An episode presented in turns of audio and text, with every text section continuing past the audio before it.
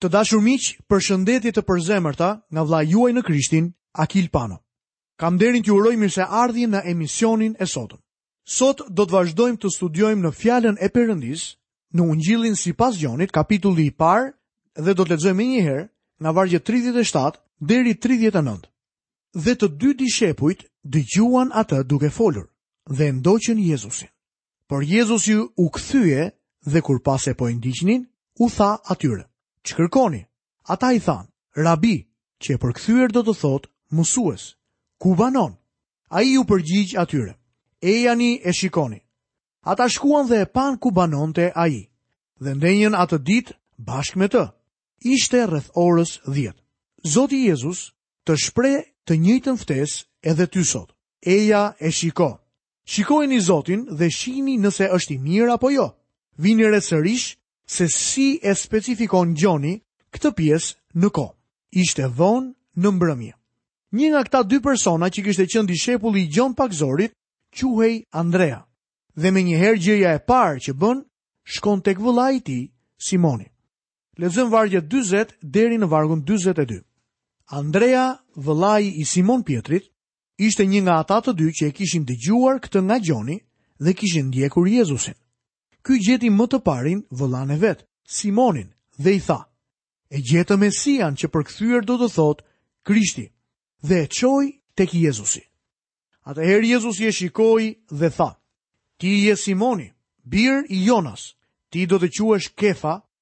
që do të thotë gur. Ky njeri Simoni ishte aq i dobët sa edhe uji. Zoti ynë i tha se ai do të ishte një burrë i fortë si guri. Besoj se në atë kohë të gjithë kanë qeshur kur i dëgjuan këto fjalë, sepse asnjeri nuk mund ta besonte se ai mund të bëhej njeriu shkëmb. Personi që në ditën e Pentakostit do të jepte predikimin e parë që do të përdorej për përfshirjen e 3.000 personave në kishë. Lexojmë nga vargjet 43 dhe 44. Të nesërmen, Jezusi donte të dilte në Galile. Gjeti Filipin dhe i tha, ndiqmë, dhe Filipi ishte nga Betsaida, nga i njëjti qytet i Andreas dhe i Pjetrit. Sërish na jepet gjeografia. Betsaida ndodhej sipër detit të Galilesë. Ne e dimë që Pjetri, Andrea dhe Filipi jetonin atje. Ata ishin peshkatarë. Lexojmë nga vargu 45 dhe 46. Filipi gjeti Natanaelin dhe i tha: E gjetëm atë për të cilin shkroi Moisiu në ligj dhe profetët. Jezusin nga Nazareti, të birin e Jozefit. Dhe Natanaeli i tha: A mund të dalë diçka e mirë nga Nazareti? Filipi i tha, eja e shih. Le të shohim më poshtë, sikurse pamë më lart dëshminë e Andreas, dëshminë e Filipit, tani do të shikojmë dëshminë e Natanaelit. Natanaeli ishte një shkencëtar i madh dhe tha një fjalë me mend këtu. A mund të dalë diçka e mirë nga Nazareti? Nuk mendoj se duke thënë këtë, edhe mund të ketë qeshur. Por Filipi nuk qeshi aspak, përkundrazi i tha, eja dhe shiko. Kjo është me të vërtetë gjëja më e rëndësishme, eja dhe shih. Lexojmë vargun 27. Jezusi pa se Natanaeli po vinte drejt tij dhe tha për të, ja një Izraelit i vërtetë, tek i cili s'ka mashtrim. Ja ku shohim një Izraelit tek i cili nuk ka mashtrim. A e shihni edhe pse ky njeri është mendjemprehtë, nuk është mashtrues, ose dinak. Nuk ka asgjë të Jakobit të vjetër tek Natanaeli. Ai është një Izraelit tek i cili nuk ekziston Jakobi. Lexojmë vargjet 28 dhe 29. Natanaeli i tha, nga më njeh, Jezusi iu përgjigj dhe i tha, Të pashë kur ishe nën fik, përpara se të të thërriste Filipi. Natanaeli duke iu përgjigjur, i tha, Mësues, ti je biri i Perëndisë, ti je mbreti i Izraelit. Zoti Jezus kishte dy dyshues midis apostujve të tij. Në fillim ishte Natanaeli dhe në fund, Thomai. Ky njeri skeptik që pyeti Nëse mund të dilte diçka e mirë nga Nazareti, rrëfen para mbarimit të bisedës se Jezusi është biri i Perëndisë dhe mbreti i Izraelit. Momenti kur Natanaeli rrëfeu se Zoti Jezu Krisht është biri i Perëndisë dhe mbreti i Izraelit, na zbulon se nga Nazareti kishte dalë diçka tepër e rëndësishme. Lexojmë vargun e 50. Jezusi iu përgjigj dhe i tha, sepse të thashë se të pashë nën fik ti beson, do të shohësh gjëra më të mëdha se këto. Jezusi e pyet nëse ai besoi vetëm, sepse tha se e pa nën fik. Jezusi premton se do të shohë gjëra më të mëdha se këto, dhe në të vërtetë, gjatë tre viteve që vijojnë, Natanaeli pa gjëra shumë më të mëdha. Lexojmë vargun e 51. Pastaj i tha, Në të vërtetë, në të vërtetë po ju them, se tash e tutje, ju do të shihni qiellin e hapur dhe engjëjt e Perëndisë duke u ngjitur dhe duke zbritur mbi birin e njeriut.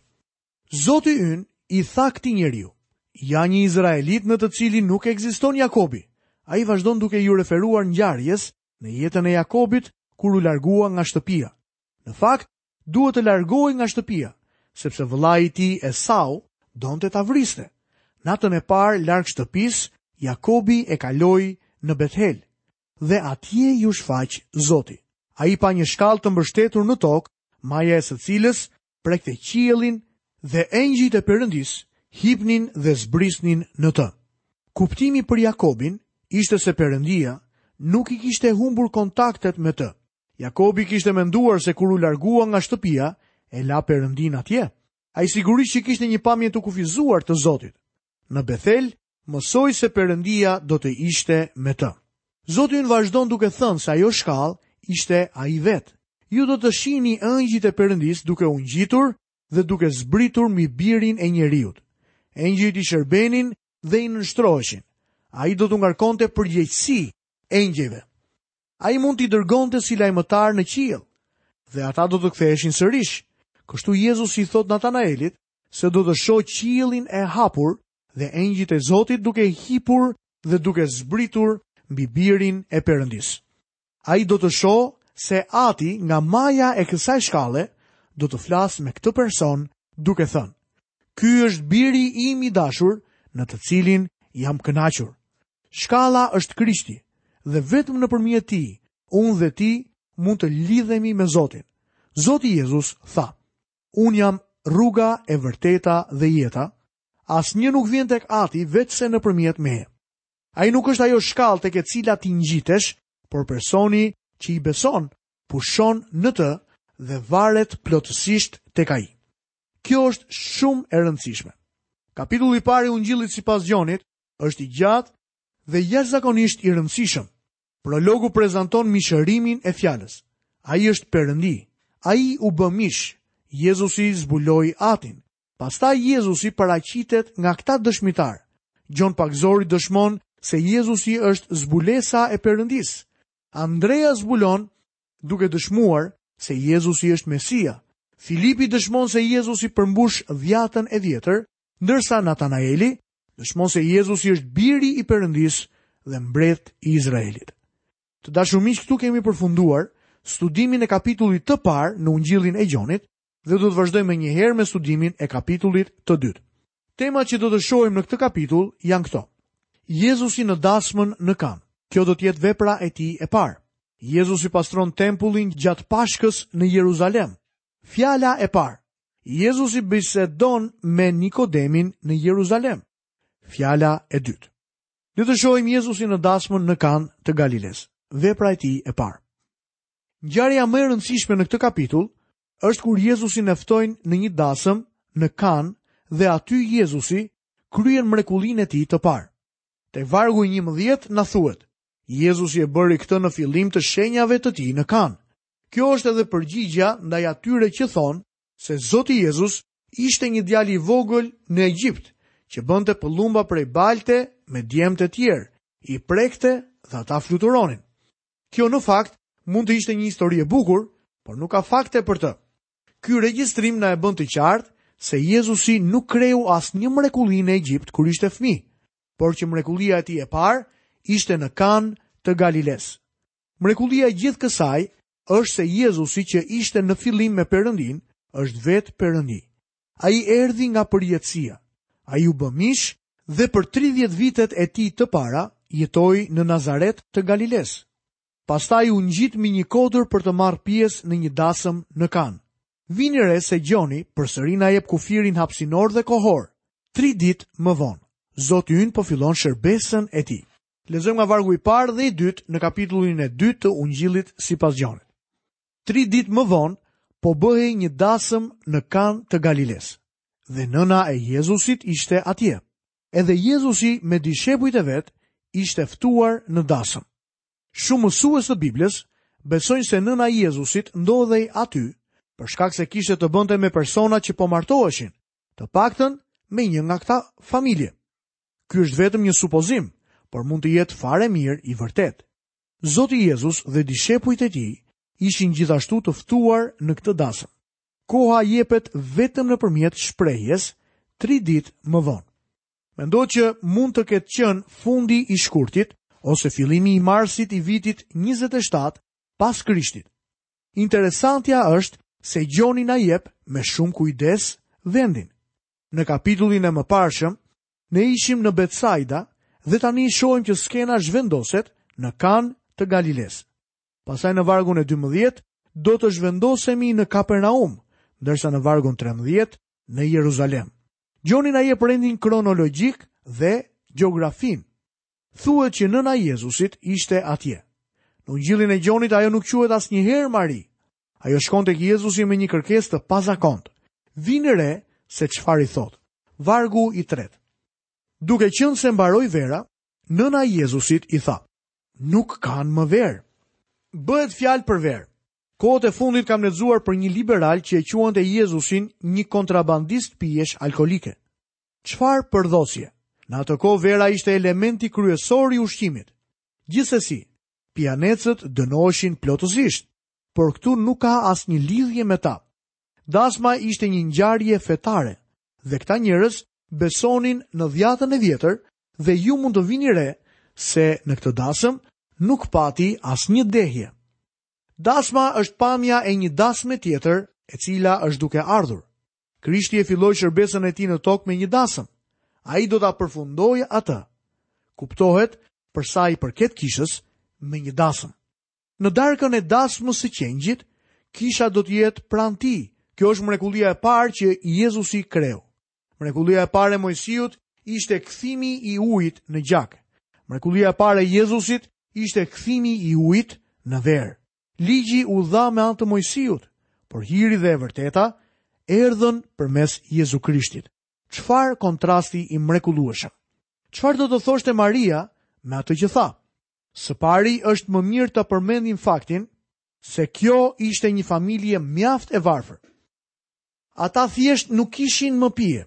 Bengeli në komentarin e tij thotë se kur Maria i tha Zotit që nuk ishte më verë, ishte si një paralajmërim miqësor që ai dhe dishepujt e tij duhet të largoheshin.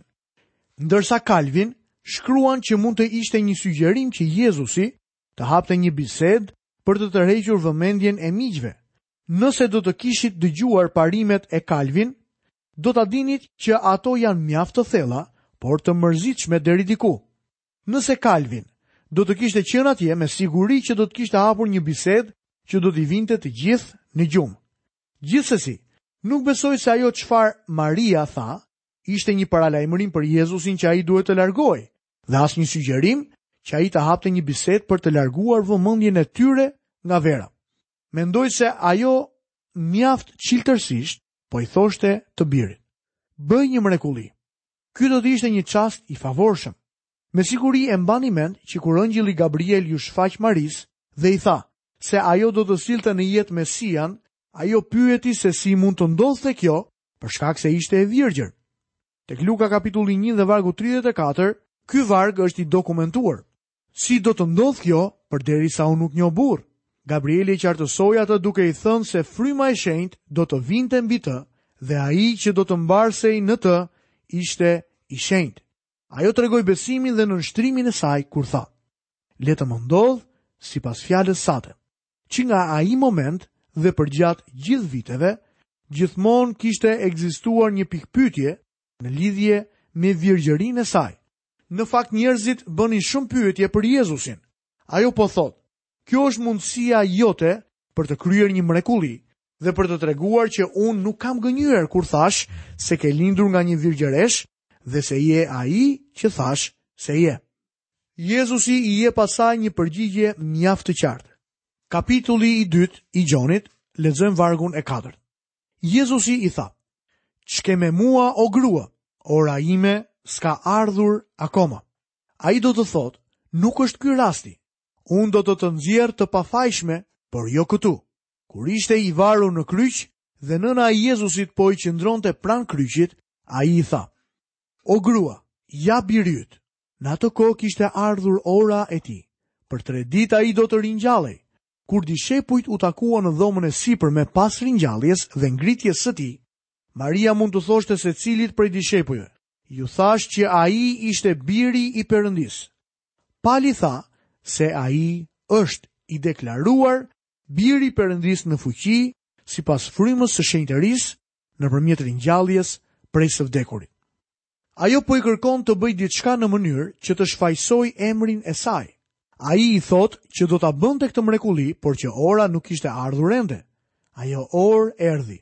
Ringjallja e tij provoi se kush ishte Krishti. Mos harroni se ringjallja provon edhe lindjen e Krishtit nga një grua e virgjër. Në kohën e Krishtlindjes, ne e shikojmë lindjen nga një e virgjër si një fakt të izoluar, Por në fakt, ajo është e lidhur me ringjalljen e tij, sepse Jezusi është kush tha se ai ishte në të vërtetë. Lexojmë vargun e 5. Nëna e tij u tha shërbëtorëve: "Bëni gjithçka që ai t'ju thotë." Çfarë këshille e mirë. Gjithmonë kam dashur ta predikoj këtë varg në ditën e nënës. Bëni gjithçka që ai t'ju thotë. Subjekti im do të ishte këshilla e një nëne. Si pastor nuk e kam arritur diçka të tillë, por ajo është një këshillë mjaft e mirë. Lexojmë vargjet 6 dhe 7. Aty ishin gjashtë enë prej guri që përdoreshin për pastrimin e judenjve dhe secila nxinte dy ose tri masa. Jezusi u tha, mbushni enët me ujë dhe ata i mbushën deri në grykë. Tani vëmendja jonë drejtohet te këto gjashtë enë prej guri. Ato përdoreshin për pastrimin ceremonial të judenjve, për shkak se kjo familje ishte e varfër, enët ishin të dëmtuara dhe me siguri do t'i kishin fshehur mirë. Ata shpresonin që kur të vinin miqtë, të mos e vinin re. Mendoj se Zoti Jezus duhet ta ketë zënë ngushtë disi familjen kur i urdhëroi të nxirrnin gjithë ato enë. Pastaj u thotë të ndjekin procedurën e saktë, kështu që i mbushën deri në grykë. Lexojmë vargun tetë deri në vargun e dhjetë. Pastaj u tha, Nxirrini tani dhe çojani të parit të festës, dhe ata ia çuan. Dhe mbasi i pari i festës e provoi ujin e shndërruar në verë, ai nuk e dinte nga vinte kjo verë, por e dinin mirë shërbëtorët që e kishin nxjerrë ujin. I pari i festës e thirri dhëndrin dhe i tha: Çdo njeri nxjerr në fillim verën më të mirë dhe kur të ftuarit kanë pirë shumë, verën e keqe. Ti përkundrazi e ke ruajtur verën e mirë deri tani. Nuk do të doja të shmangeshim duke diskutuar nëse kjo verë ishte dehëse apo jo. Shumë sinqerisht nuk është kjo çështja këtu. Vini re, këtu harrohet diçka. Ku është nusja? Nuk e shoh asgjëkundi. Çfarë kishte veshur ajo? Kjo është pjesa më e rëndësishme e dasmave tona. Kam kryer mjaft ceremoni dasmash gjatë shërbesës time dhe kam parë shumë nuse të kalojnë përmes korridorit të gjatë. Me kalimin e kohës kam mësuar se kur hyj në fillim, askush nuk është i interesuar për predikuesin. Pastaj hyn dhëndri dhe sërish jo shumë vetë janë të interesuar për të. E vetmja që i buzëqesh është e ëma. Pastaj hyn nusja dhe kalon përmes korridorit të gjatë dhe që të gjithë njerëzit ia ngulin sytë. Por çfarë kishte veshur nusja në Kanë të Galilesë? Nuk e dimë. Pse? Sepse në atë vend gjëja më e rëndësishme që gjendej ishte Jezusi dhe këto enë prej guri, të cilat ishin bosh. Miqtë e mi, këtu jepet diçka e mrekullueshme. Ai mori enët prej guri bosh dhe pastaj i mbushi me ujë. Mendoj se mrekullia ndodhi ndërkohë që po hapnin rubinetin e atyre enëve. Kur e morën ujin dhe ua shërbyen miqve, ai u bë verë. Këtu ne gjejmë një mësim të madh shpirtëror. Jezusi na përdor ne sot si enët e ujit prej guri. Ne jemi si enët e copëtuara dhe të dëmtuara, nuk jemi tërheqës për sytë e njerëzve dhe duhet të vendosemi diku e të mbulohemi në mënyrë që të mos na shohin, por ai do të na përdorë. Ai do të na mbushë me ujë, çfarë uji? Uji është fjala e Perëndisë. Ai do të na mbushë me ujin e fjalës së Zotit. Ai pasi na mbush me ujin e fjalës së Zotit, dëshiron që ta zbrazim. Nuk di se si ta shpjegoj, por kur uji del nga ena dhe shkon atje për ku është destinuar, bëhet verë. Ai bëhet vera e gëzimit, përmes punës së frymës së shenjtë. Tek letra drejtuar Efesianëve, kapitulli 5 dhe vargu i 18, na thuhet: Dhe mos u dehni me verë, në të cilën ka shthurje, por mbushuni me frymë. Fryma e shenjtë e merr atë ujë dhe kryen mrekullinë në jetën e një individi, edhe pse ndoshta nuk mund ta shpjegoj dot, e shoh shpesh të ndodhë. Pikërisht këtu, mbi tavolinën time, kam një dyzinë me letra që kanë ardhur nga njerëz që janë shpëtuar vetëm duke dëgjuar fjalën e Zotit përmes këtyre programeve radiofonike. Nuk e kuptoj këtë. Jam veçse një enë uji dhe kam pak nga uji i fjalës brenda meje.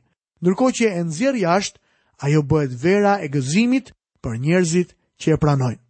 Disa vite më parë isha duke u folur një grupi të krishterësh artistë. Midis tyre ndodhej një çift që ishin shpëtuar në një klub nate. Ata më thanë që do ta përdornin talentin e tyre për Jezusin. Në fakt, nuk më pëlqeu kjo. Më pas i pyeta se çfarë lloj talenti përdornin ata në një klub nate. Ata ngecën dhe nuk dinin se si të përgjigjeshin. Pastaj u thashë, kur shkuam tek Jezusi, ai nuk fitoi gjë tjetër përveçse mëkatarë. Ai mori disa enë uji të vjetra dhe të dëmtuara, kështu që u tregova atyre për enët e ujit në Kanë.